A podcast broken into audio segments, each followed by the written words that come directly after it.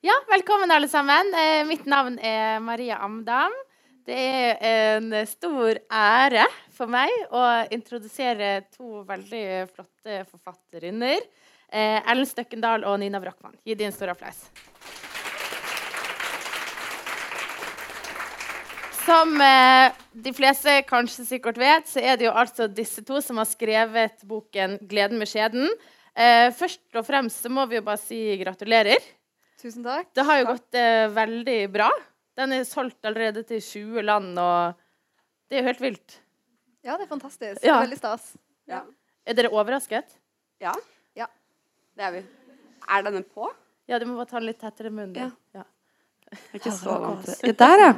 Hei. Nå hører dere Ja, nei, men, Ja, nei, vi er overrasket. Ja. Uh, um, altså bare for uh, en og en halv måned siden så trodde vi jo at den bare skulle komme ut i eh, Kanskje bli solgt i Skandinavia, og så fordi den liksom var for drøy for, em, for resten av Europa, og i hvert fall for resten av verden. Mm. Eh, og så har det vist seg at det nettopp er eh, eh, det som har gjort at den har slått an sånn da, hos Mm. forlagene i utlandet. Og eh, sånn i etterpåklokskapens lys så, så eh, skjønner jeg det veldig godt. Fordi eh, vi i Norge føler at vi kan for lite. Og i Norge har vi tross alt en ganske Altså, den er jo ikke god, den seksualundervisningen vi har, men vi har seksualundervisning. Eh, og i veldig mange andre land så har man ikke seksualundervisning. Du har ikke tilgang på eh, fri abort, du har ikke tilgang på gratis prevensjon, sånn som vi eh, kvinner i Norge har fram til vi er 20. Ja. Ja. Uh, uh, jeg har ikke fått nytt godt av det på en stund. Um, ja, uh, så, så på en måte tilstanden Det står mye dårligere til i mange av de landene som vi har solgt til. Og det er jo derfor vi syns det er så utrolig kult at den har blitt solgt til f.eks. Polen, eh, eller Brasil, eller Italia, Spania og Kina. Eh, USA. Ja. Land hvor, hvor det står ja, dårligere til. Hva blir tittelen på engelsk? The Wonder Down Under. Det er vel ikke en reiseguide til Australia, altså. Men, eh, ja. Men det er ganske bra tittel, da, egentlig. ja, vi elsker den tittelen. Ja. Ja.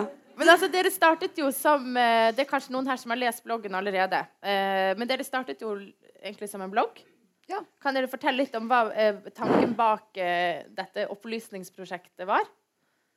Eh, ja, uh, Nina og jeg jobba som seksualundervisere uh, fordi vi studerer medisin. Det begynte vi med i 2011, og da ble vi med i organisasjonen MSO, Medisinernes seksualopplysning. Og, Er det noen derfra her nå? Ja, ja! det er MSO-et. Så bra. Beste organisasjonen. Ja, eh, det er en organisasjon som reiser rundt på ungdomsskoler og har gode seksualundervisningsopplegg. Eh, Nina og jeg underviste også mye på asylmottak. Og eh, ja, forskjellige konfirmasjonsundervisning, den type ting. Det er en organisasjon hvor man blir bestilt inn og underviser på oppdrag.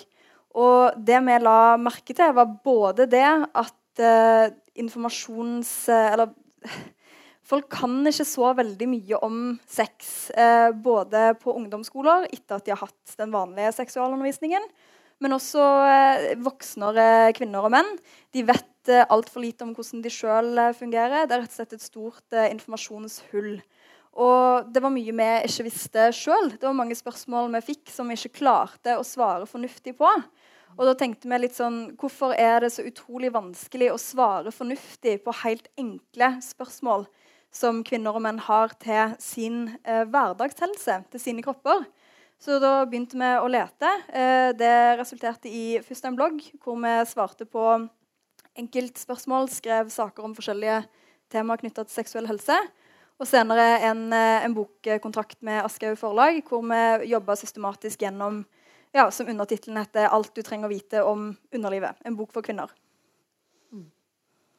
Ja, nei, og, og det er jo tydelig at eh, dere skriver dette at eh, det, det samfunnet vi lever i nå, er på en måte det mest seksualiserte noensinne. Men likevel så er det så lite mangel, altså det er så lite åpenhet rundt dette. Og vi vet jo at kvinner stort sett når de går til legen, så er det ofte pga. underlivsting. Sant? Ja, Ja, det er mye av bare det. derfor. Nei, men ofte, sant? Jeg i hvert fall. Alltid. Hvis jeg går til legen, så er det et eller annet med underlivet. Men eh, nei, Man er jo alltid redd for at det skal være et eller annet. Sant? Og, Ja. men, eh, men nettopp det, ikke sant? at vi trenger et forum hvor vi på en måte lett kan finne ut av ting. da. Mm. uten Ja, å nødvendigvis ja, ja, gå til legen. Ja. Ja, og, og eh, det er vi opptatt av når vi sier at det er liksom det mest seksualiserte samfunnet noen gang. Altså, vi, vi bombarderes jo av Altså, reklamen er jo så utrolig seksualisert. Eh, ungdom i dag ser jo på porno fra en ekstremt tidlig alder, både gutter og jenter. Eh, og mye på porno. Eh, og så er det Og det er eh, filmer og TV-serier og alt. Ikke sant? Du får sex fra alle kanter, men du får veldig lite god uh, kvalitetssikret informasjon som skal veie opp for, uh, for denne vektstangen, da, som liksom har bikket helt i Altså porno har liksom tatt helt overtaket. Eh, og så er liksom voksenpersonene har kapitulert litt. Um, og det er jo noe vi har vært opptatt av. At liksom for unge kvinner i dag, og menn for så vidt, så, så er på en måte Google er eh, der man finner sin medisinske kunnskap. Man liksom søker 'det klør i tissen', og Der så betyr jo alt kreft. ja, og så er det sånn kreft. Hva har jeg Det klør også, Kreft eller så- gravid. Det er kreft, du er gravid, eller eh, eh, ellers er alt sopp. Mm. Ikke sant? Og det er et av de mest leste blogginnleggene våre er liksom Det er ikke sopp, alt som klør. Ja. Nettopp fordi ikke sant? Hvis du driver og selvdiagnostiserer med Google, da, så ender alt opp med å være kreft, sopp eller at du er gravid. Um, eh, og ja, Så det er litt det uh, Og som du også kommer inn på, nettopp det du løper til legen fordi du er bekymret for at noe skal være galt. Og det er jo nettopp fordi det er ingen som har snakket med deg om hva som er normal utflod.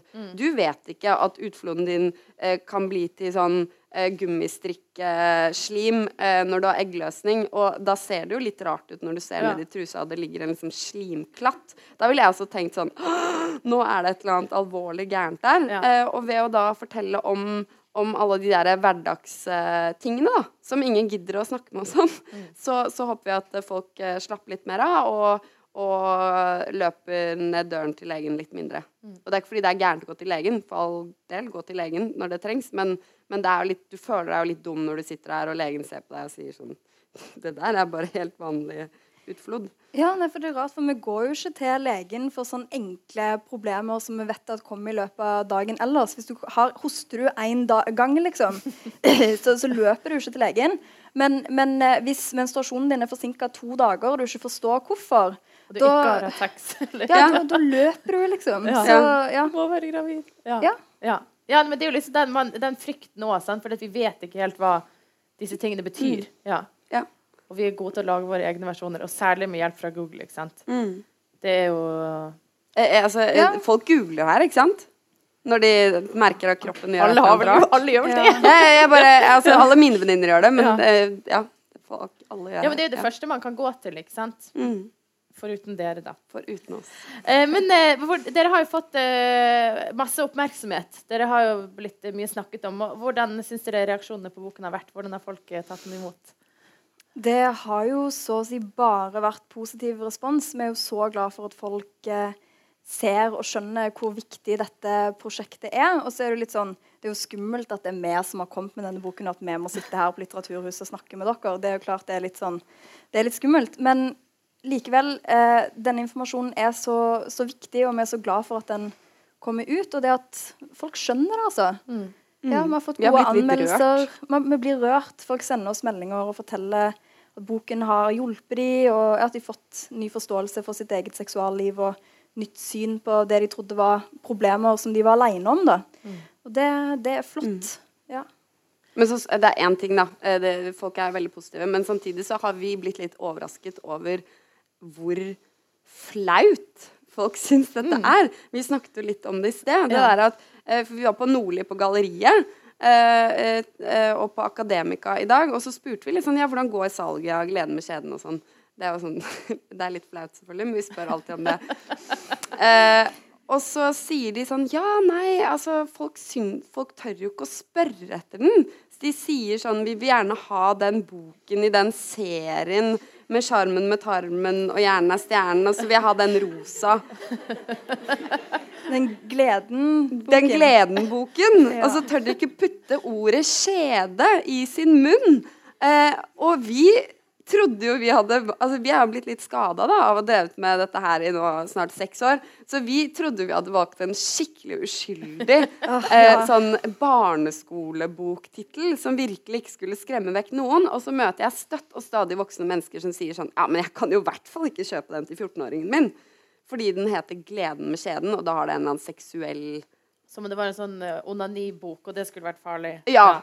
Og så sitter jo de 14-åringene hjemme og ser på porno, men 'Gleden med kjeden', det det blir Ja. for grovt. Og det, det, det, det viser vel bare egentlig hvor viktig den boka er, da.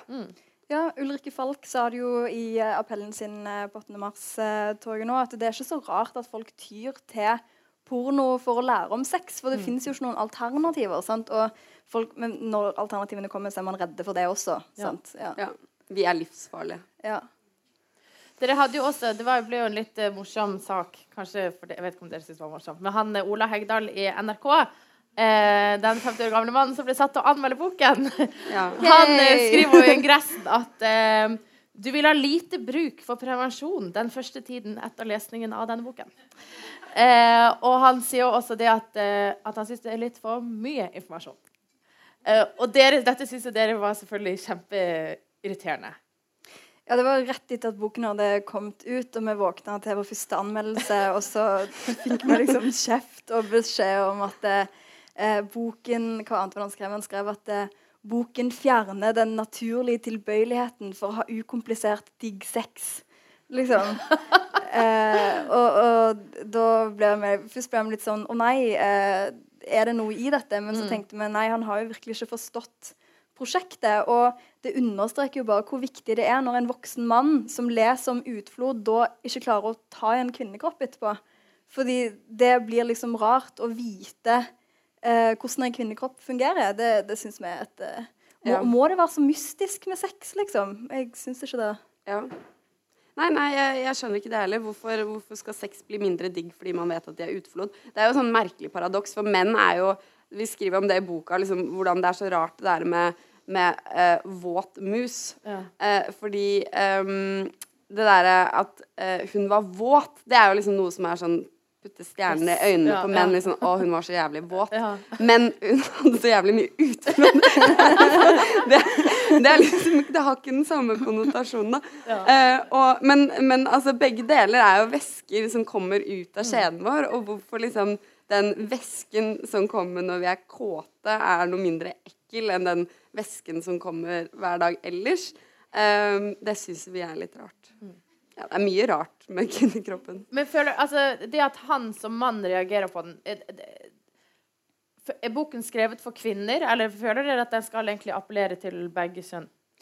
Den jo eh, Ja, altså den er jo skrevet for eh, kvinner, men eh, den anmeldelsen viser jo også at menn hadde hatt godt av å lære litt om partnerne sine, da, og kanskje forstå litt av hva, hva kvinner eh, gjennomgår, og hva slags hverdagsplager eh, kvinner har. Er ikke det bare sånn solidaritet å, å tenke litt på, på kjæresten sin eh, av og til? Eh, og så, så har vi har jo vitenskapelige orgasmetips i boken. Det er det Eh, sikkert mange menn som kan ha godt av Ja. Det er mange menn som er sånn Du, hvilken side er det du skriver om den der cat position? Så må vi slå opp altså, her. Og så, hva, hva heter den? Coital alignment technique. Så må vi gi dem sånne hjemmesider, og så går de hjem og googler og sånn.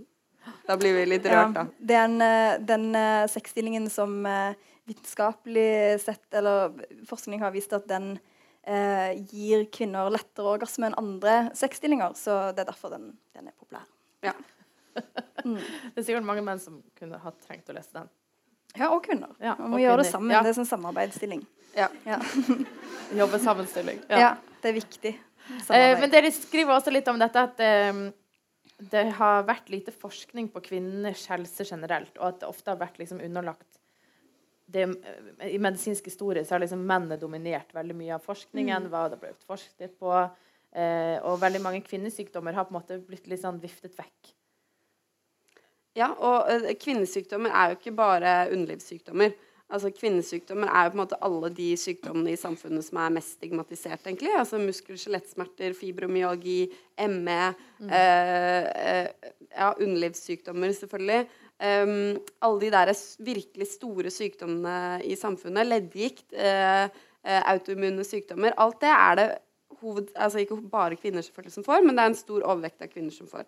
Og det er mye mindre prestisje og for mindre forskning og alt sånn. Og mm, det er vel ofte fordi menn roper høyere, da. Og, så har mm, legeyrket vært mannsdominert inntil nå, hvor vi er 70% kvinner på studiet. Ikke at jeg egentlig heier på det, for det er litt kjedelig uten menn. Um, men, eh, men eh, Nei, så det, det er jo noe som henger igjen.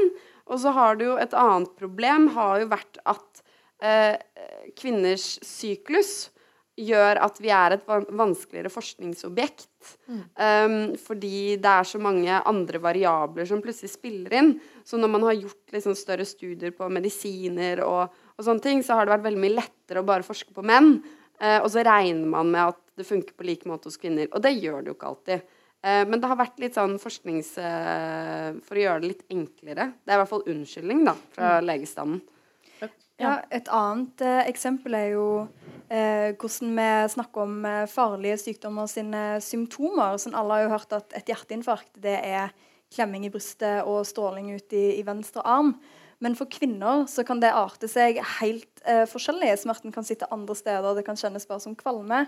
Og, og dette er noe man ikke har visst om eller eh, videreformidla til folk flest. Eh, og det er jo et problem, altså. Når eh, hjertesykdom også er et stort problem blant kvinner. Mm. Ja. Men er kvinnekroppen undervurdert? Er det det dere sier? Nei, men eh, det med, ja, ja. Altså, vi ser det vi har uh, Når vi leser i anatomiatlaset eh, på, på, studiene, så, så, er det jo sånn alle kroppene som brukes for å se på indre organer og sånn, eller for å se på kroppsdeler både kvinner og menn har, er menn. Og så er det kvinnemodeller når du blar opp på disse merkelige reproduksjonsorganene som bare kvinner har. sant? Altså, det eneste bildet av kvinnen i boken er der det også er en livmor. Eller pupper. Eller pupper, sant? eh, ja. Og det, vi ser jo ikke helt hvorfor det skal være sånn. Ja. Kvinnen er liksom den andre da, i medisinen. Mm. Eh, dere har jo delt opp eh, boken i litt sånn forskjellige kapitler. Og det jo, kan jo egentlig fungere veldig fint som et oppslagsverk. da. Eh, og det er jo hvert fall jeg hadde vært veldig mange sånne ikke aha-opplevelser, men mer sånn hæ-opplevelser mm. da jeg leste boken. Eh, for det, det, det, er jo veldig mange ting vi eh, går rundt og innbiller oss og tror, og så, sånn er det, som dere har egentlig Altså, dere eh, forteller sannheten her, da. For eksempel så er det jo dette her eh, evige spørsmålet om uh, jomfruhinnen. Om den fins eller ikke. Mm. For det har jo vært liksom, Plutselig så har det vært masse feminister som har vært sånn Jomfrudommen har aldri eksistert, og dette er bare skapt uh, av menn og alt dette her. Men så kommer dere og sier at den fins. Ja, vi har irritert oss litt over det. Uh, det er liksom som om skjøn eh, kvinner ikke skjønner komplekse problemer. Um, så det, har liksom, Først har man hatt denne jomfruhinnen, den myten om jomfruhinnen som, som en struktur som eh, er som et sånn liksom, magisk seil. Liksom, jeg vet ikke hvor mange av dere som faktisk har sett den på dere selv. Um, den skal visstnok være der, og den skal visstnok eh, på en måte stoppe penetrasjonen fra kjeden. Og så når du har sex første gang, så skal den eh, briste og blø og bli borte for evig tid. Og det skal på en måte være mulig å si sånn Du har hatt sex, du har ikke hatt sex. Uh, ja. Og så kommer på en måte den nye bevegelsen, som vi har slutt på dette med jomfruhinnen, og så sier de jomfruhinnen fins ikke. Og da blir vi litt irritert, for det er ikke sant. Ja, sannheten ligger jo et sted i midten her. Og det, man kan jo ikke erstatte en myte med en annen myte. Man må jo faktisk eh, erstatte en myte med sånn som det faktisk er. Og det er jo det at eh, jomfruhinnen, som vi heller foretrekker å kalle for skjedekrans eller hymen, sånn som det kalles på engelsk, hymen, Eh, er en, eh, en tøyelig ringforma struktur som ikke blir borte av sex. Vi sammenligner litt med en hårstrikk, fordi veldig mange, rundt halvparten av eh, ja, ja. hårstrikk. Sånn. sånn rundt, rundt, halvparten av kvinner blør ved, ved første samleie. men nå kan jo altså, Det var en stor penis, den skoen til Nina. Ja, ja, men, det er litt som hun som tok kondom rundt leggen. ikke sant? Altså. Det, det, går, det, altså. Så man kan, kan ja. Uh, ja, altså, Den ringen er veldig tøyelig. For noen så er den litt trangere. Akkurat som de der litt dårligere hårstrikkene man kjøper, så ryker de når du skal ta den i håret. Uh, ikke, nå skal ikke jeg lage komplekser og si at noen har dårligere jomfruhinner enn andre. Ja, akkurat det var ikke bra.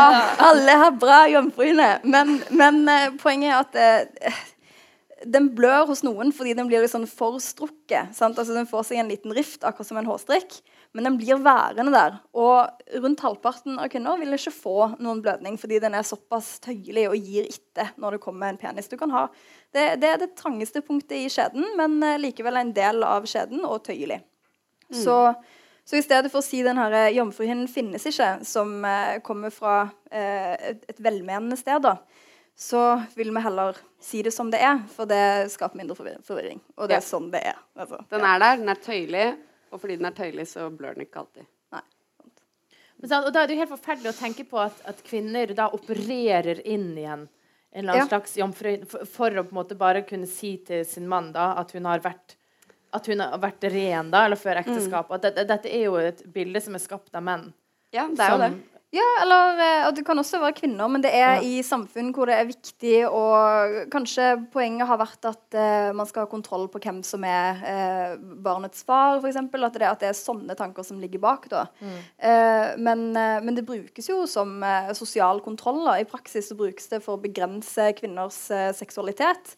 Og også kvinner som aldri har hatt sex før, kan jo bli beskyldt for å ha det når disse jomfrusjekkene er så eh, uvitenskapelige, og det er vist at man kan ikke bruke det. Eh, og når alle ikke blør, så kan man jo også bli utsatt for falske anklagelser. Ja, altså ja, 50 ja. av jomfruer blør ikke første gang de har sex. Og så skal man bruke den blødningen som en liksom bevis på om du har hatt sex eller ikke. Det er helt forferdelig. Så de, de operasjonene er jo da ofte bare å gjøre det så trangt mm. at du faktisk liksom må må bryte deg inn, ikke sant? sånn at du er mm. garantert en blødning. Og det er jo helt perverst at vi liksom skal drive og operere på friske kvinnekropper for at vi liksom skal bli så skadet når vi har sex at vi begynner å blø. Altså, ja, nei um, uh, Eller sånn som vi har Det går jo an å kjøpe uh, fake jomfruhinner på nett. Chinese hymens. Nå ser det ut som liten Dere ler, det er jo helt grusomt. Ja, koster 29 dollar. Um, og så får du det shipped in discreet packages and say goodbye to your dark, Kiss your deep dark, dark secret, secret goodbye. ja. Men skal, hvordan kan den fungere, da? Nei, den har teaterblod. Ja, den har teaterblod i seg, og det er en sånn hinne oh. som du setter opp i skjeden, som løser seg opp. Så, så det altså For det første så er det, det er to sales points på denne her. Da. Den første er 'Kiss your deep dark secret goodbye', og den andre er liksom 'Bring back the heat'.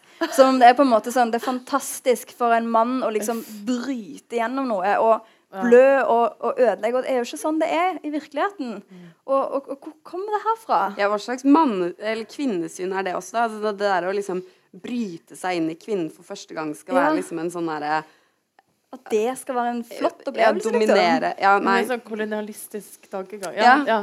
Nei, det er forferdelig. I own this land, ja, liksom. Ja. yes. Mm. Nei, vi får håpe at når dere sender boken rundt i verden, at de leser dette kapitlet ekstra godt. da. Ja. Det er jo helt vanvittig. Ja. Det er et problem overalt. Det er jo ikke, altså, det er jo ikke bestemt til, til, noen kulturer. eller sånn. Det står jo om dette av Kristin Lavransdatter. Mm. Altså at uh, jomfruhinnen hennes uh, brista, og så blødde hun. og så ja, Da var hun ødelagt, liksom. Kunne hun ikke Det, det var mm. store problemer. Så ja. Ja, og altså, Unnskyld, nå ble det mye jomfruhinne her. Men vi vil bare si også, fordi det er lett å tenke at dette er liksom sånn Dette gjelder ikke Norge. Eh, men, eh, men eh, vi møter jo mange ungdommer som er nervøse for å debutere seksuelt. Mm. For, på grunn av jomfruhinnen. Fordi de tror at de skal blø masse, og de tror at det skal gjøre veldig vondt mm. å penetrere jomfruhinnen.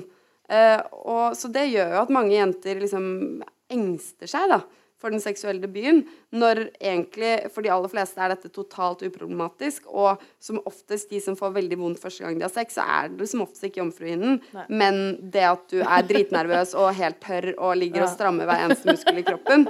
Eh, men jomfruhinnen kan selvfølgelig ja. gjøre vondt, den også. Men mm. det er nok vel så mye bare det at man er dritnervøs som gjør at det gjør vondt. Men unnskyld, fortsett. Nei, nei, nei. Eh, men jeg, jeg, tenkte vi kunne gå gjennom et par ting i boken som jeg syns var hvert fall morsomt, som dere har tatt opp. da. Eh, og blant annet dette her med eh, hvordan veldig mange jenter, eh, når de begynner på hormonprevensjon, at de ofte opplever veldig mye forskjellige bivirkninger. Noen eh, mener at de legger på seg, noen eh, mener at de kanskje får liksom, nesten blir deprimerte eh, mister sexlyst og alt dette her. Eh, men dette går dere jo veldig grundig gjennom i boken. Og det tror jeg dere må fortelle litt om, for det er sikkert mange som lurer på dette. Ja, um, her er det jo et uh, litt sånn flersidig problem. For, uh, for det første så er hormonprevensjon noe som brukes av uh, ekstremt mange kvinner som er friske ellers. Og, så det er veldig, veldig vanlig. Eh, samtidig, hvis vi tar f.eks. Eh, depresjon, så er det også ekstremt vanlig i, eh, i denne befolkningen. Og eh, veldig mange som går på p-piller, eller annen hormonprevensjon, blir også deprimerte. Men spørsmålet her er jo om man kan si sikkert at det er en årsak og en virkning. Om det er det samme, om du blir deprimert fordi du går på p-pillene, eller om du bare har begge deler samtidig.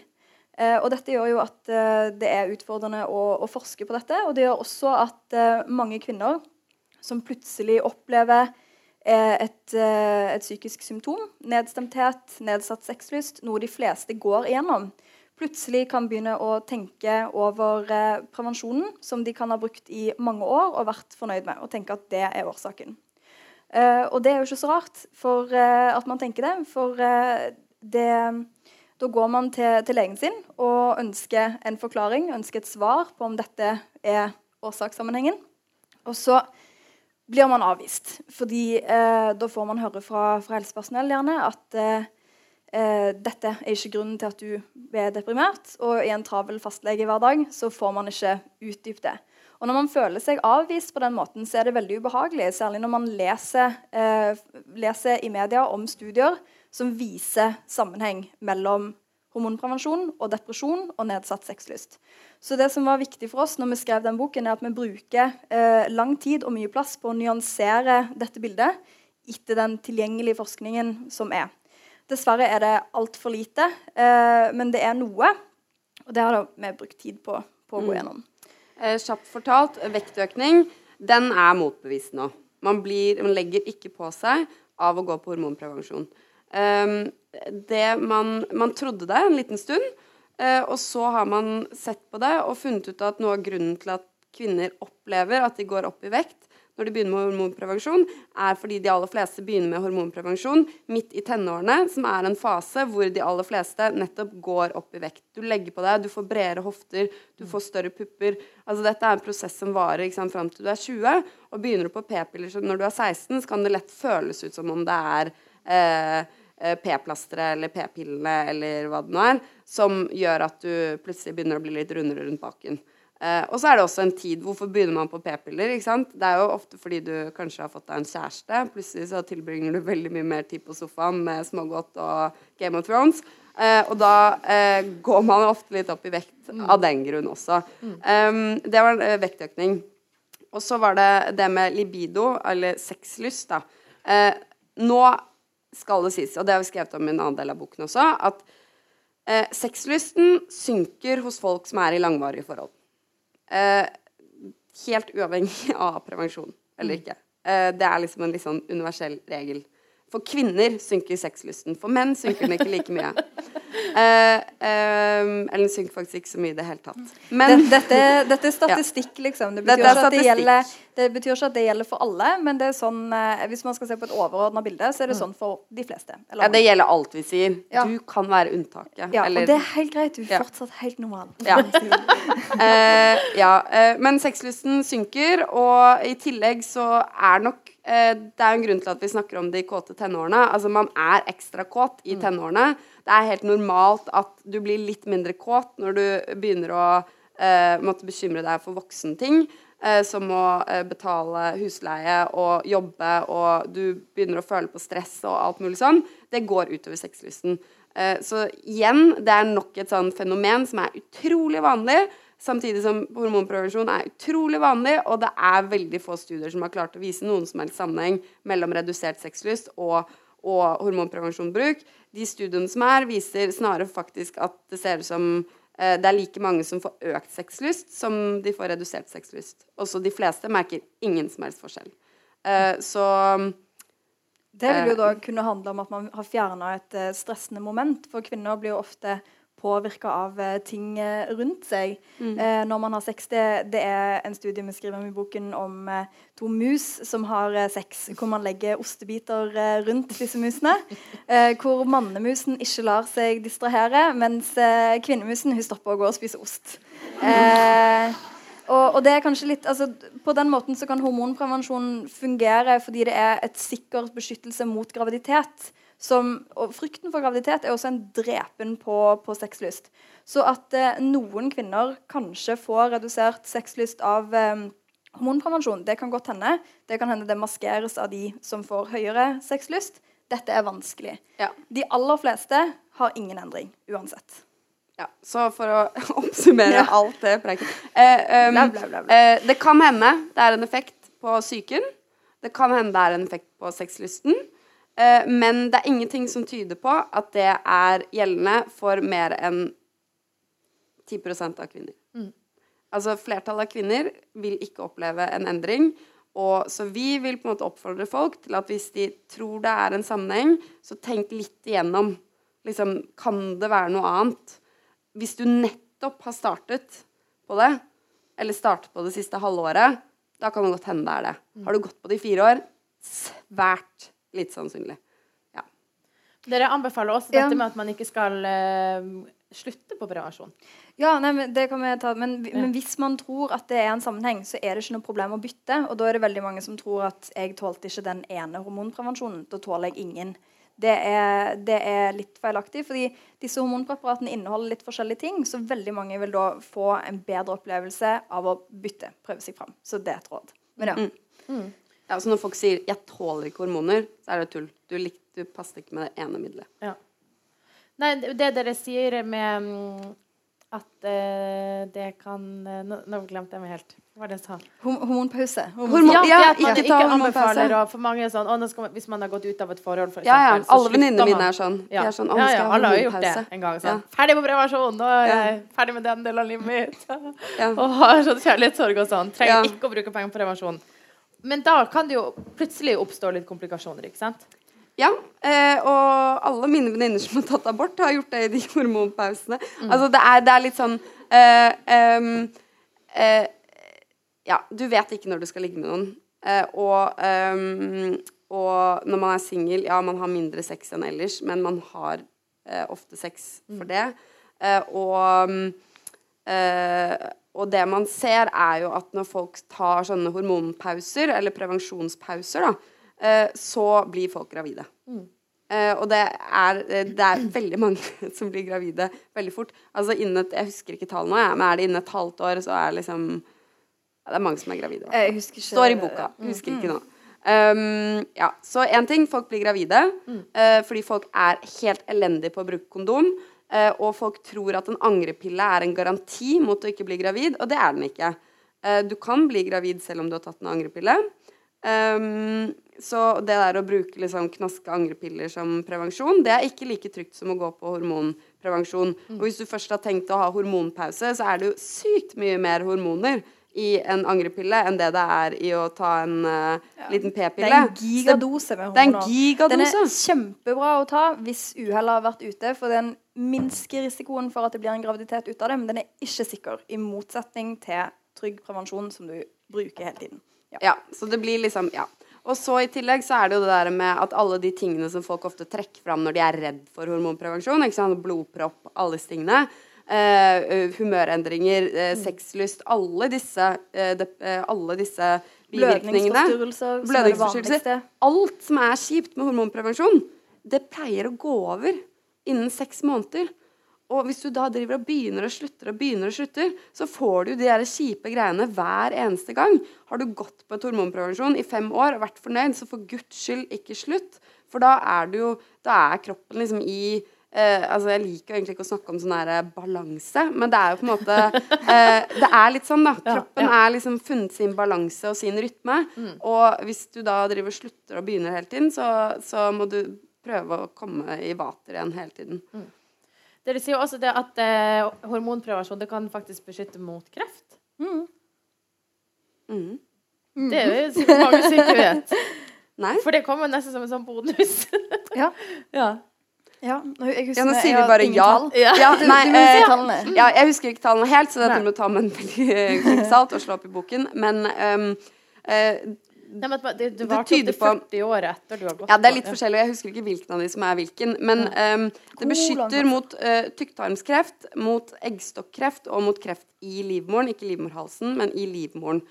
Eh, og uh, for Nå husker jeg ikke hvilken av dem det er, men jeg, uh, jeg lurer på om det er livmoren. Så beskytter p-pillebruk og annen hormonprevensjon i opptil 30 år etter at du har sluttet. Og for den andre ca. 15. Så det er liksom, du er beskyttet mot noen av de van... Altså, tykktarmskreft er den tredje vanligste kreften hos kvinner. Um, etter brystkreft og en til, lungekreft.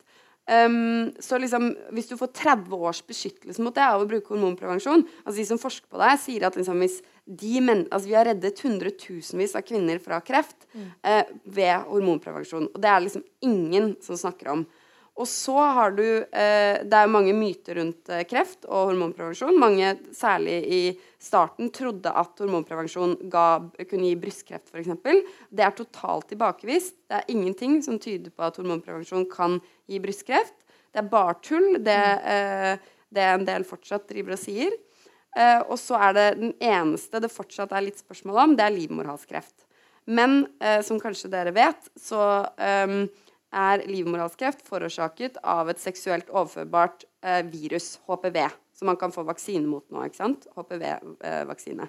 og det man tror, da, er at kanskje den økte livmorhalskreftraten man ser hos kvinner som bruker hormonprevensjon, rett og slett bare skyldes av at de har mer sex. Og da får de mer HPV, og så får de mer livmorhalskreft. Mens damer som ikke bruker hormonprevensjon, er redd for å bli gravide og ha mindre sex. Og derfor får de mindre livmorhalskreft. At det er det som forklarer den greia. Ja, Da kan vi jo bare ta en sånn eh, oppfordring her. Eh, nå er jo denne eh, HPV-vaksinen blitt gratis eh, for kvinner født eh, til og med 1991. Eh, og det er et fantastisk tilbud som vil redde mange liv. eh, og vi oppfordrer på det sterkeste til at eh, folk velger å ta denne vaksinen. Mm. Ja. Kjempebra. Jeg har tatt den. Ja, Så bra. Eh, vi eh, skal hoppe litt videre til eh, mensen. Eh, det, jeg hørte et intervju med dere som var veldig morsomt. For dere skriver, sier det at det er kvinner, aper, flagg og mus og spissmus som har mensen. ja.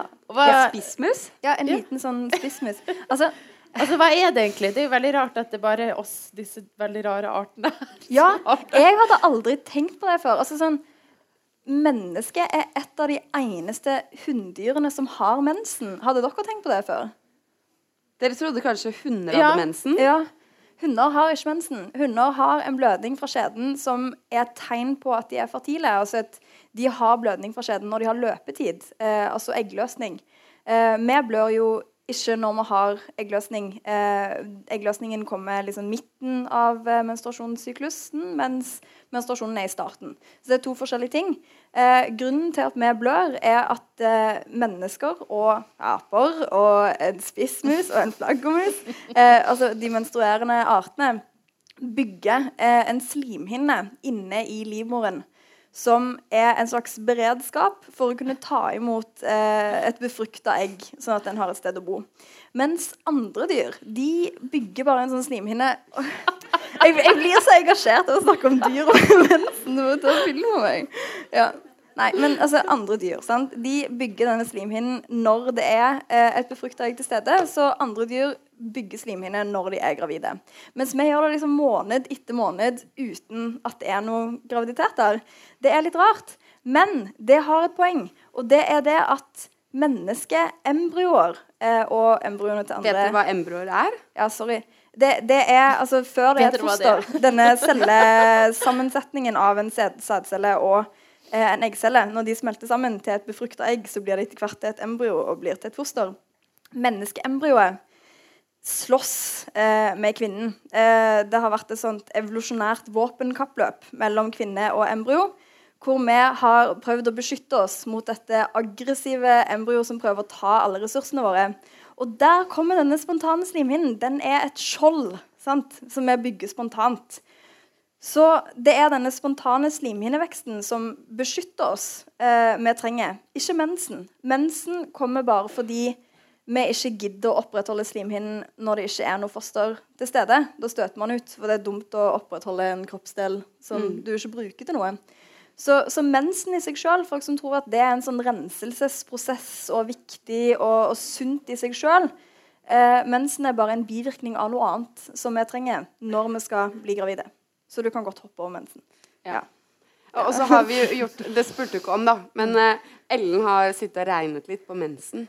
Ja, Oh, Kan vi ikke ta det regnestykket, da? Eh, eh, Vi burde hatt noe bøtter her. ja. Altså, en kvinne Hvis hun har eh, mensen Husker du tallene? Jeg ja, jeg husker tallene. Hvis hun har mensen hver måned i fem dager eh, Da En normal menstruasjonsmengde eh, hver syklus, selv om den kan virke litt sånn overveldende, er mellom en enkel og en dobbel espresso. Så rundt sånn 50 milliliter. Eh, og da har vi bare regna ut at eh, en kvinnes totale menstruasjonslivsverk, da, hvis hun blør hver måned fra hun er 12 til hun blir 52, som er ganske så normalt eh, vidde, da blør hun to og en halv vaskebøtte med mensen. Og du trenger, eh, du trenger åtte. kvinner for å fylle et badekar. Men det er egentlig ganske lite, da. Ja, fordi alle tror det er sånn. Ja. Åh, det føles som sånn Jeg syns det Battery fryktelig lite ut. Ja, det var, særlig sånn når på man sånne var- dårlige dager med mye Ja. Ja, når du føler du bare blør igjen. Ja, det er Alt sammen. sant? Bare blør og blør og blør. Ja, ja. Men nei.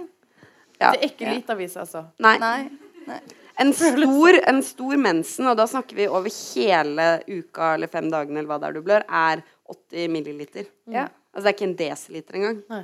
Um, Men det er mye annet som kommer òg, da, som kanskje man ja, som Nei, det er iberegnet det er alt det andre. Det er, oh, ja, det er liksom, alt. det er jo denne endometrieslimhinnen som kommer rennende ut. Det er alt. Ja. Eh, sammen med blod. Eh, Så det er ikke rent blod engang?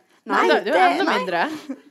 Mensen er jo ikke rent blod, for det er jo en slimhinne. Det er derfor mensen er liksom så slimete, og, og så kan det jo være ganske brunt og sånn, ikke sant. Um, og det er jo bare avhengig av hvor mye du blør. Hvis du er en sånn som blør veldig mye, så er det ofte ferskt og rødt. Ja. Mens hvis du har veldig lite menstruasjon, så er det kanskje aldri rødt. Det er bare sånn brunt Ja. gøgg.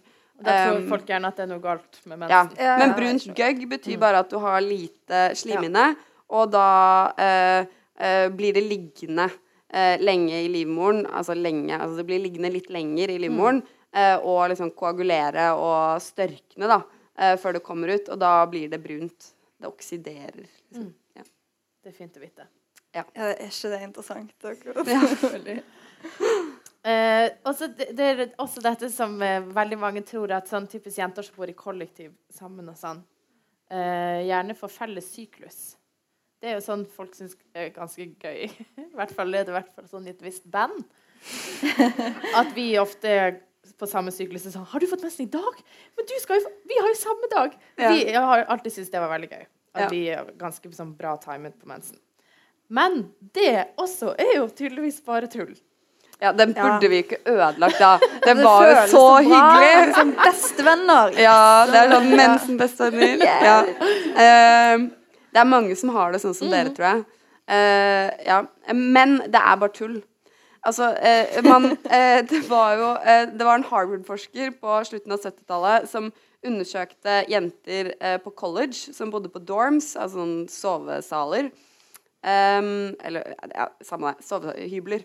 Eh, og fant, mente han da, at eh, de begynte å få mensen på samme tid. Og etter det, Dette var jo en veldig populær teori. ikke sant? Alle kvinner omfavnet den og syntes det var helt fantastisk med denne telepatiske evnen. Sisterhood.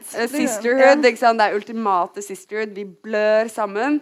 Um, så alle Sjokolade sammen. ja. Uh, og spise Ibux sammen. Ja. Um, ja. Så, men, eh, så det er eh, gjort studier på det også, at det er sånn 80% av kvinner tror på denne teorien. da Så du er ikke alene. Jeg Eh, tror fortsatt på den. ja.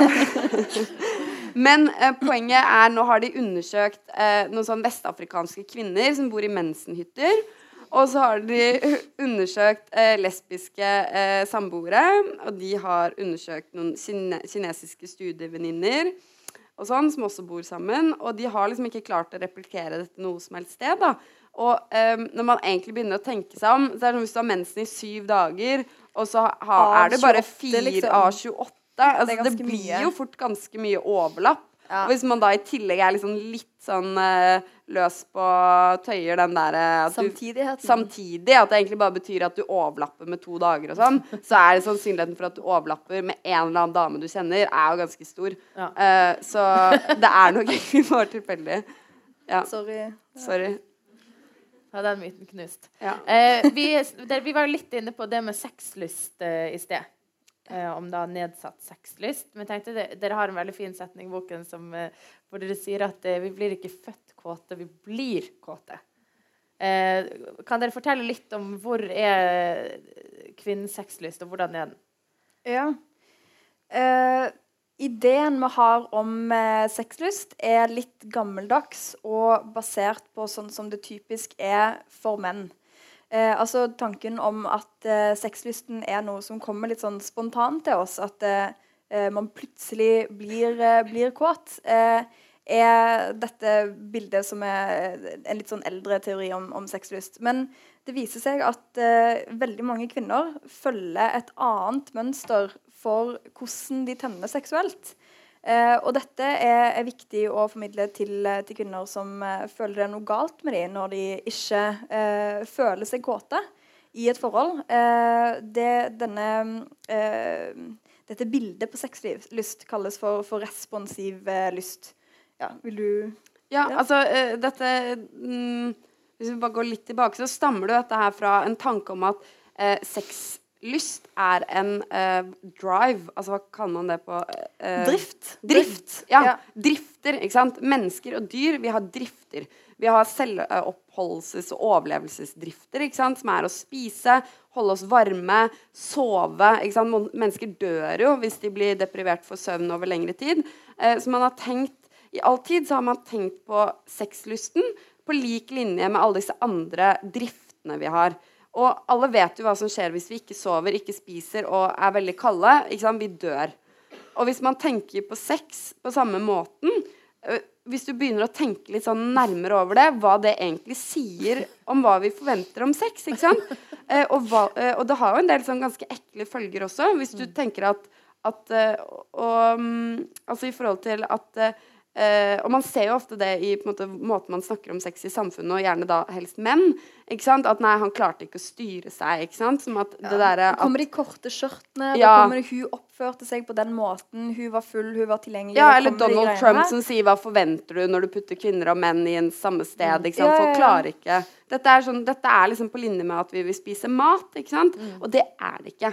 Dette er, eh, og det er der den derre 'vi er ikke født kåte', vi blir kåte. Mm. Det er ingen som dør av mangel på sex. Du kan leve et helt liv i sølibat, og det går helt fint. Mm. Eh, så liksom det der med kåthet, det er, det er noe vi får i relasjoner med andre.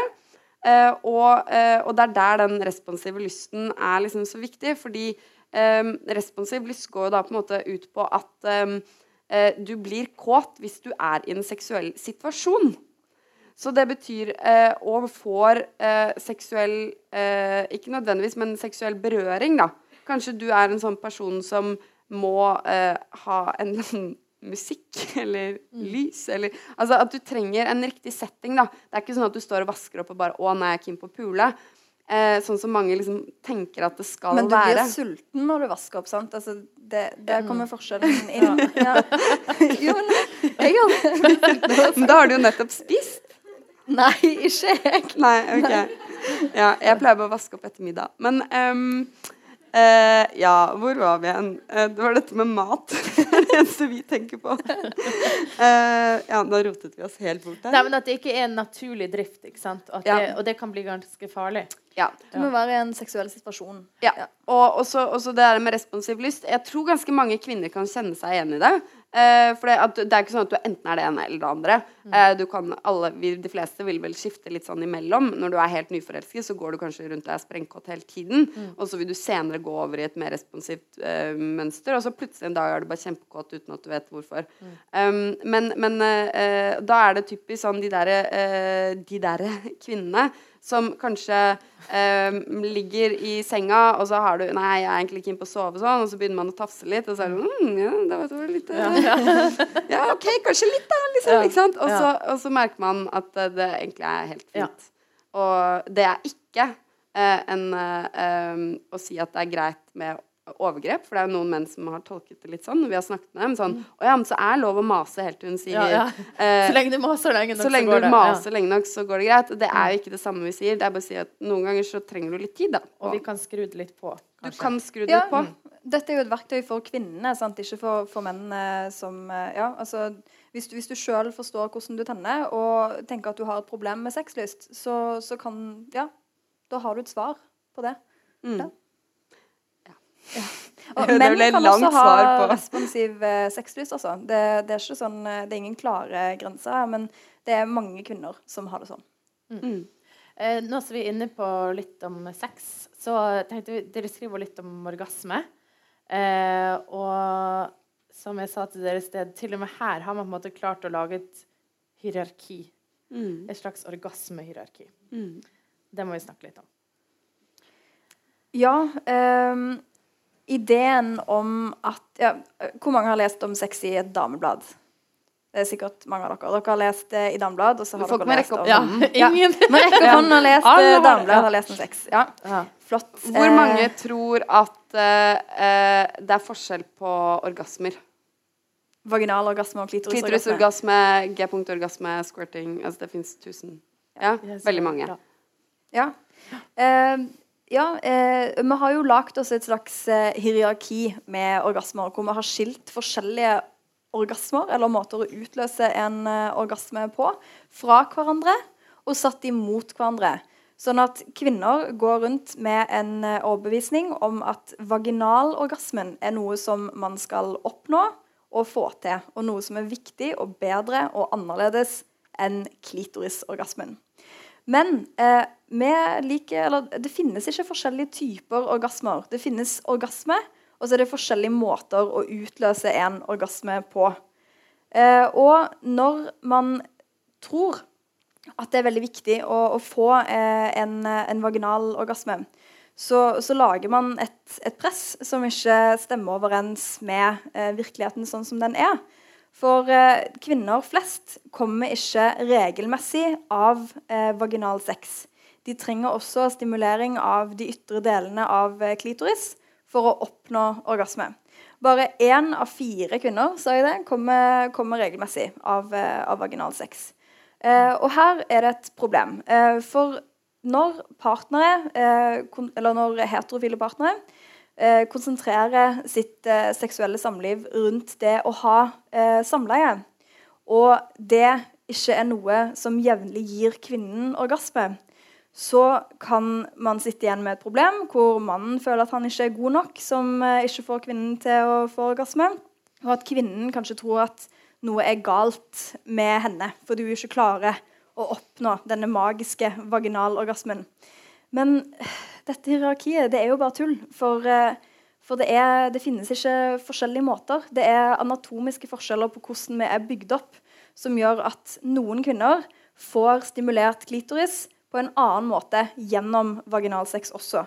Eh, Det er rett og slett forska på det, og da har man sett at de som har klitorishode nærmere skjeden, lettere får orgasme gjennom vaginalsex. Og det er jo ikke noe man kan gjøre så veldig mye med. Bortsett fra at vi har noen tips, da. Kan, ja. nå, nå snakket jeg veldig fort og litt mye. Det ble litt rotete. Ja, vil dere ta noen tips her, eller vil dere overlate det til boken? Ja, men, men skjønte dere det med den vaginale og klitorisorgasmen? Ja. Ja. Kan vi Ja, ta litt tips. det var, det var Jeg syns jeg skjønte det. Ja, ja jeg, jeg snakker meg bort. Ja, men det er fint. Ja. Ja. Eh, vaginalorgasme er ikke vanlig eh, for kvinner. Eh, vi er da forkjempere av mer slikking, eh, mer fingring. Eh, ikke da egentlig fingring. Fingring tenker jeg alltid sånn inn og ut i sånn kjeden. Ja, Ja. ikke, mer, mer tafsing, da. Ja. Tafsing, slikking, og at man også må eh, tørre å gjøre ting litt sjæl også, hvis, man, hvis ikke han du har i senga, eller hun du har i senga, får det til. Um, Ja, men ja, Legg forventningene etter hva som er realistisk. ikke sant? Sex har blitt litt sånn press. At man skal drive og man skal få til alt mulig. Og eh, hvis du ikke får det til på den måten, så er det liksom noe galt med deg. fordi det sto i damebladene. Men det er jo bare tull. fordi statistikk igjen, altså. Det er ikke, det er ikke sånn det er. Så da må man eh, sette av tid i parforholdet, i samlivet, til å gjøre det som også gir kvinnen nytelse. Ja, for det er jo noe sånn merkelig eh, Jeg har en venninne som jeg husker var sammen med en fyr lenge. Og hun kom ikke av vaginalsex. Jeg husker Han var jo den mest fortvilt oppi dette her. For hun var liksom Bare slapp av, det kommer aldri til å skje, liksom. Og han jobbet og han jobbet og han jobbet. Og han, han var liksom helt på eh, sammenbruddets rand over at han Fordi alle de forkjærestene hans hadde kommet av vanlig sex, og hun gjorde ikke det. Så han trodde Han ble virkelig sånn Han trodde det var noe alvorlig galt, da. For de tar jo det personlig. Ja, han tok det så personlig. Altså, han fikk ikke dette til. Og det ble et kjempeproblem i forholdet deres. Ikke sant? For hun satt der og var sånn eh, eh, Hvordan skal jeg få han til å begynne å slappe av og skjønne Kan vi ikke bare gjøre noe annet, da? Liksom, Mm. ikke sant? Um, så, så det er ikke for å si at menn ikke er opptatt av kvinners nytelse. Det tror jeg de er.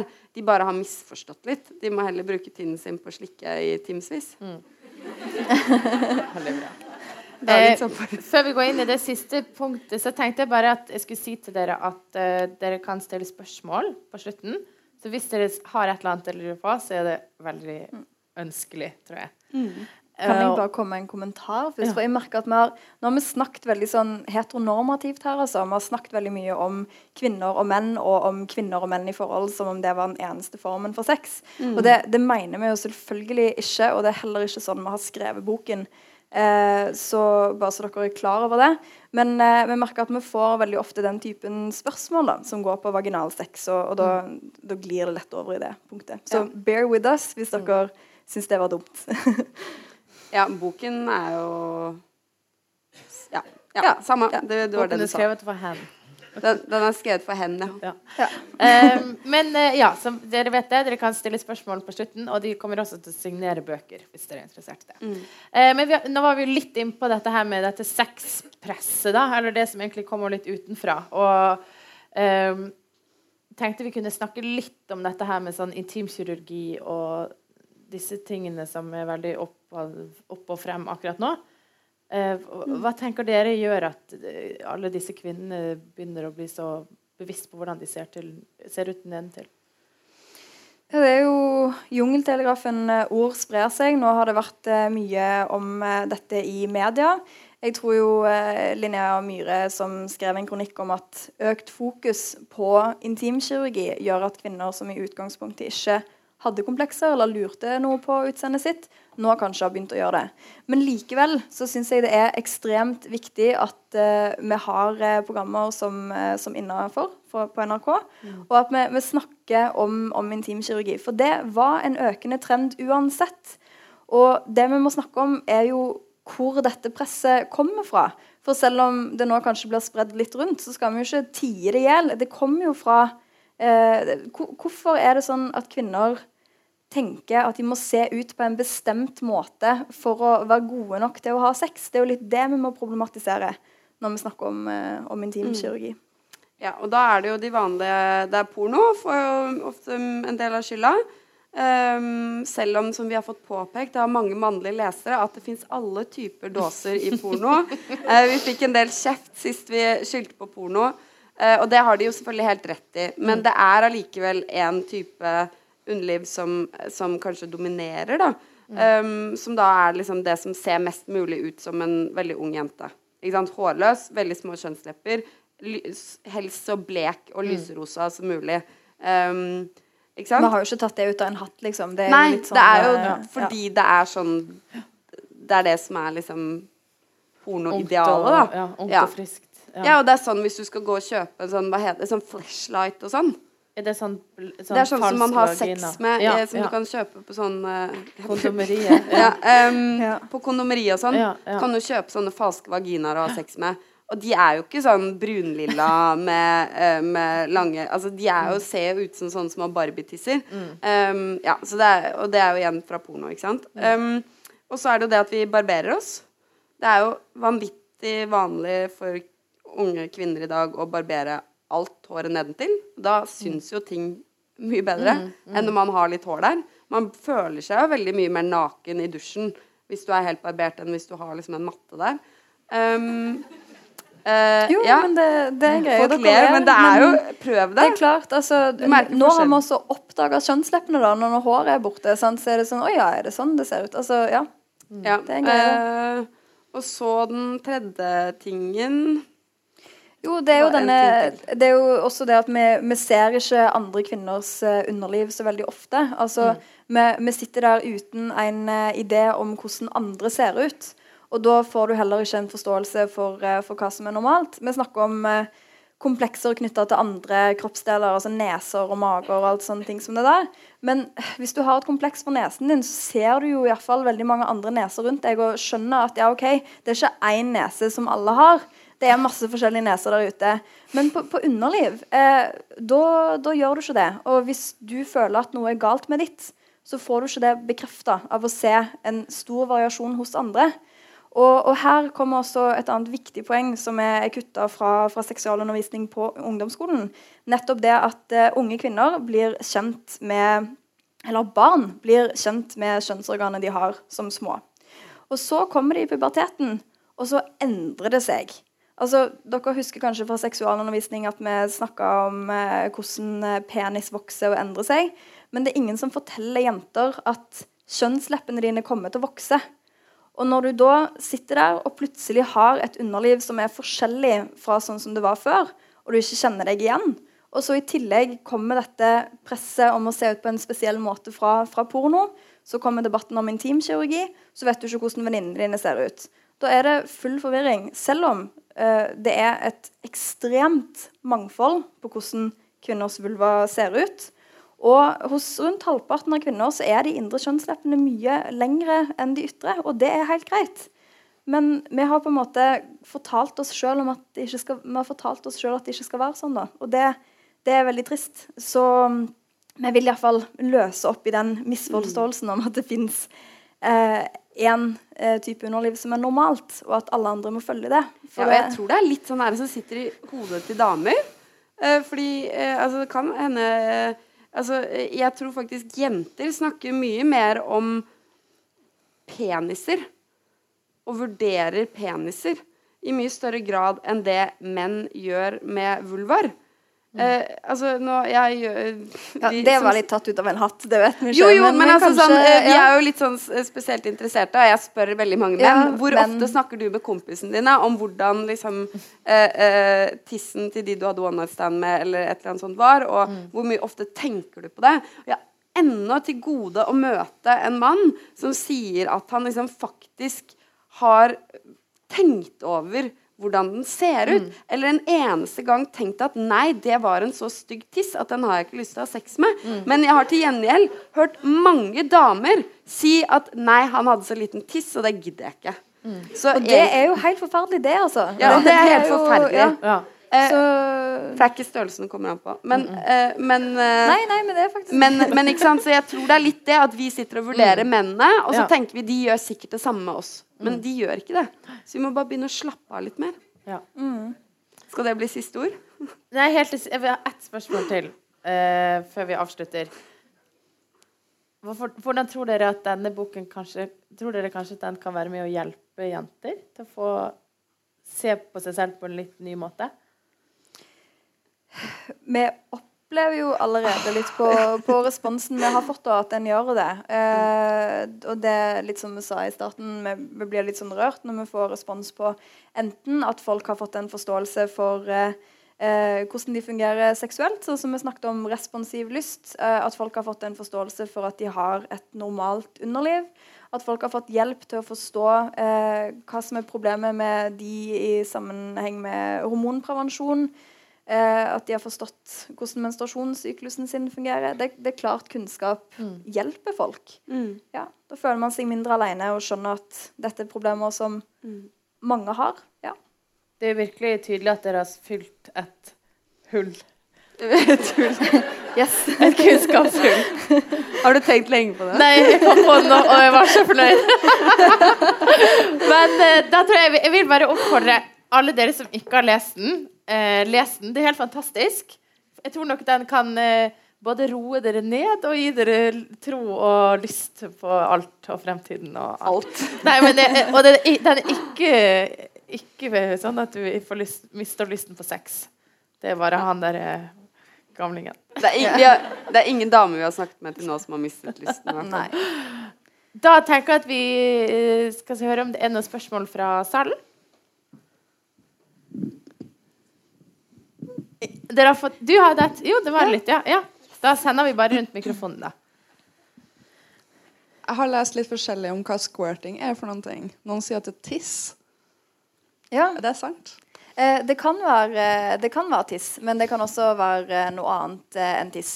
Eh, eh, det er flere, altså bare for å ta det, Squirting er eh, den kvinnelige ejakulasjonen, altså væske som kommer ut av urinrøret til eh, kvinner når de får orgasme.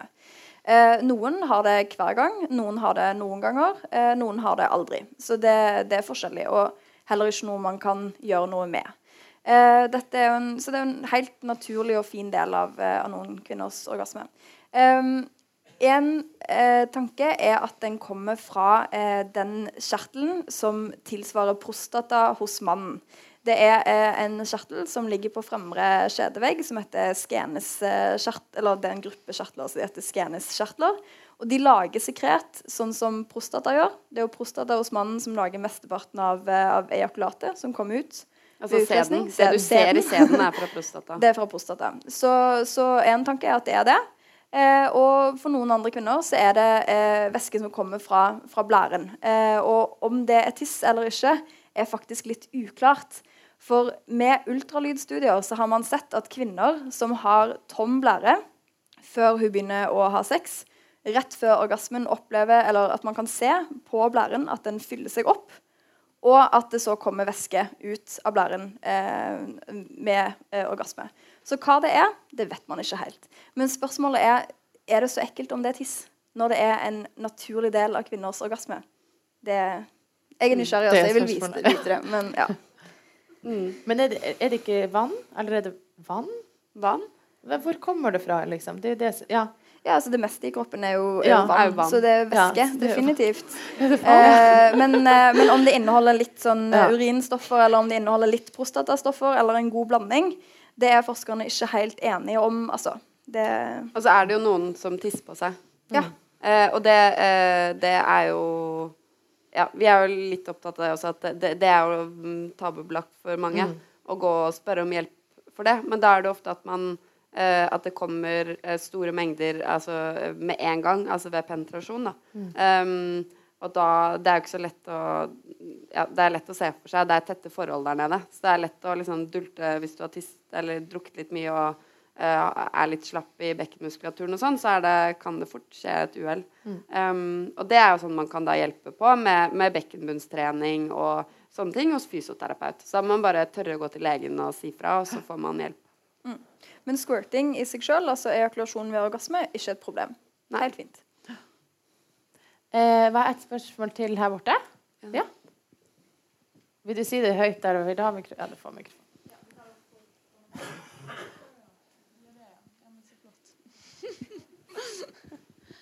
ja.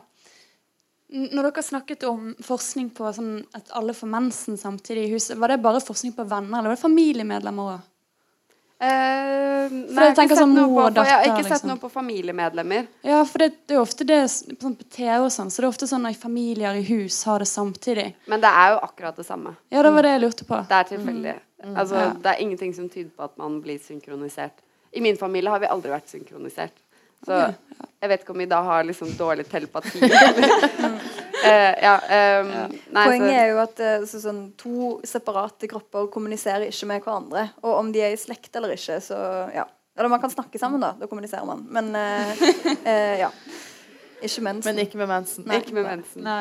Og så var det én ting til jeg reagerte på. For uh, venninnen min hadde implantater som sånn prevensjon. Mm, Men så sa p-stav. Ja, p-stav. Ja. Og så sa hun at lege, hun hadde fått syster på eggstokkene. Og så sa legen ja, nå må vi ta ut prevensjonen din. Det, altså, For hun eh, reagerte liksom på det, mente det. Og da, ja. Jeg har sam, hadde samme prevensjon, men jeg fikk bare kviser og sånn, liksom. Følte Ja. ikke liksom at noe skjedde. Nei. Altså, eh, Jeg hadde en reaksjon, skjønner du? Ja, eh, jeg skjønner, men her kan vi ikke gi et sånt eh, Hva skal jeg si altså, Det betyr ikke at hun fikk syster pga. prevensjonen sin. Og det er mange årsaker til eh, syster på, på eggstokken, så da kan nok det ha vært et råd fra legen om å fjerne den pga. Eh, forhold som vi ikke kan vite noe om. Så, så det, det, kan vi rett og slett og ikke svare på her. Det kan også ha vært feil. Så vi vet liksom ikke verken sykehistorien eller resonnementet til den legen. Men, du, du eh, eksemplifiserer jo veldig bra akkurat det vi sa i sted. Mm, det, Venninnen liksom, din har opplevd dette. Om det er pga. p-staven eller ikke, det er litt vanskelig for oss å si noe om. Men du har fått kviser. Ikke sant? Om du har fått kvise pga. det, det er jo heller ikke sikkert. Men ikke sant? Det er, eh, folk har helt forskjellige opplevelser av det her, Ja. så vi må slutte litt med den derre ja, men det var helt forferdelig. Du må slutte. Det er jo sånn, sånn hører jeg folk si hele tiden, ikke sant? ja, Mm, ikke bruk Ikke bruk det! Mina. Da fikk jeg mm. Ja. kviser. Er sånn, ja, kanskje du fikk kviser, men jeg har aldri fått kviser. Ikke sant? Det er, bare hold det for dere selv. For det er Du kan ikke si noe som helst om, ja. Mm. om andre kvinner basert på din opplevelse. Det er virkelig så individuelt. ja, men flott. Takk. Ja. Ja. Et spørsmål til der bak. Ja, all honnør til dere for en kjempeviktig bok. Jeg har ikke lest den ennå, men det har jeg tenkt å gjøre. Eh, Så Derfor har jeg et spørsmål om dere har eh, skrevet noe om eh, etter fødsel. Da er det jo mye som kan skje med skjeden og uh, The Wonder Down Under, uh, som kan være litt uh, kjipt. Så eh, har dere skrevet noe om det i boka? Nei, det har vi ikke. Eh, vi eh, hoppet bukk over graviditet eh, og fødsel. Rett og slett fordi det er et så omfattende tema at eh, det går ikke an å dekke i et kapittel. Eh, og det er eh, tross alt ganske mange gode eh, bøker om graviditet og fødsel der ute. Eh, det kunne sikkert vært gjort enda bedre, men det fins i hvert fall en del. Eh, ja. Ja, nei, Ja. det, det skjønte vi. Men ja, eh, eh, men det er jo ofte dekket i ganske mange av de der eh, Gro Nylander-bøkene og sånn, så vidt jeg husker. Er det ikke det? Men det, men det holdt på å si, eh, vi måtte gjøre et valg, rett og slett. For det, det er klart det er masse spennende som skjer etter en, eh, en- etter en fødsel. men det Spennende, bli- ja. Ja, spennende eller er som eller det er lege, ja, sant. Men, men, men det, det måtte rett og slett Det må bli et annet bokprosjekt, ikke sant. Fordi man må, vi, vi måtte ta et valg. Så dessverre. Vi har skrevet om urininkontinens, eh, som er eh, for de, eller i, oftest et problem etter fødsel. Så det, det er det eneste vi har, har med i boken Mm. som kan eh, relateres til det. Vi kan gjerne skrive mer om det. Jeg syns det er Ja, jeg kjempespennende. syns det er kjempespennende. Så, mm. så. Er det noen av oss som har noen flere spørsmål? Men kan jeg bare Ja. anbefale en bok? Eh, fordi eh, altså, hvis man eh, liker å eh, Hvis det er noen som har planer om å bli gravide, eh, så vil jeg bare anbefale en bok av en som heter Emily Oster. eh, 'Expecting Better'. Eh, det er den beste boken jeg har lest om det å skulle være gravid. Eh, det er en vitenskapelig basert bok om av en verdenskjent kvinnelig økonom eh, ved University of Chicago som ble så drittlei av alle disse legene som driver og sier at du skal ikke gjøre det og du skal ikke gjøre det, for alt dette er farlig. Og så ikke noe mer eh, nyansering.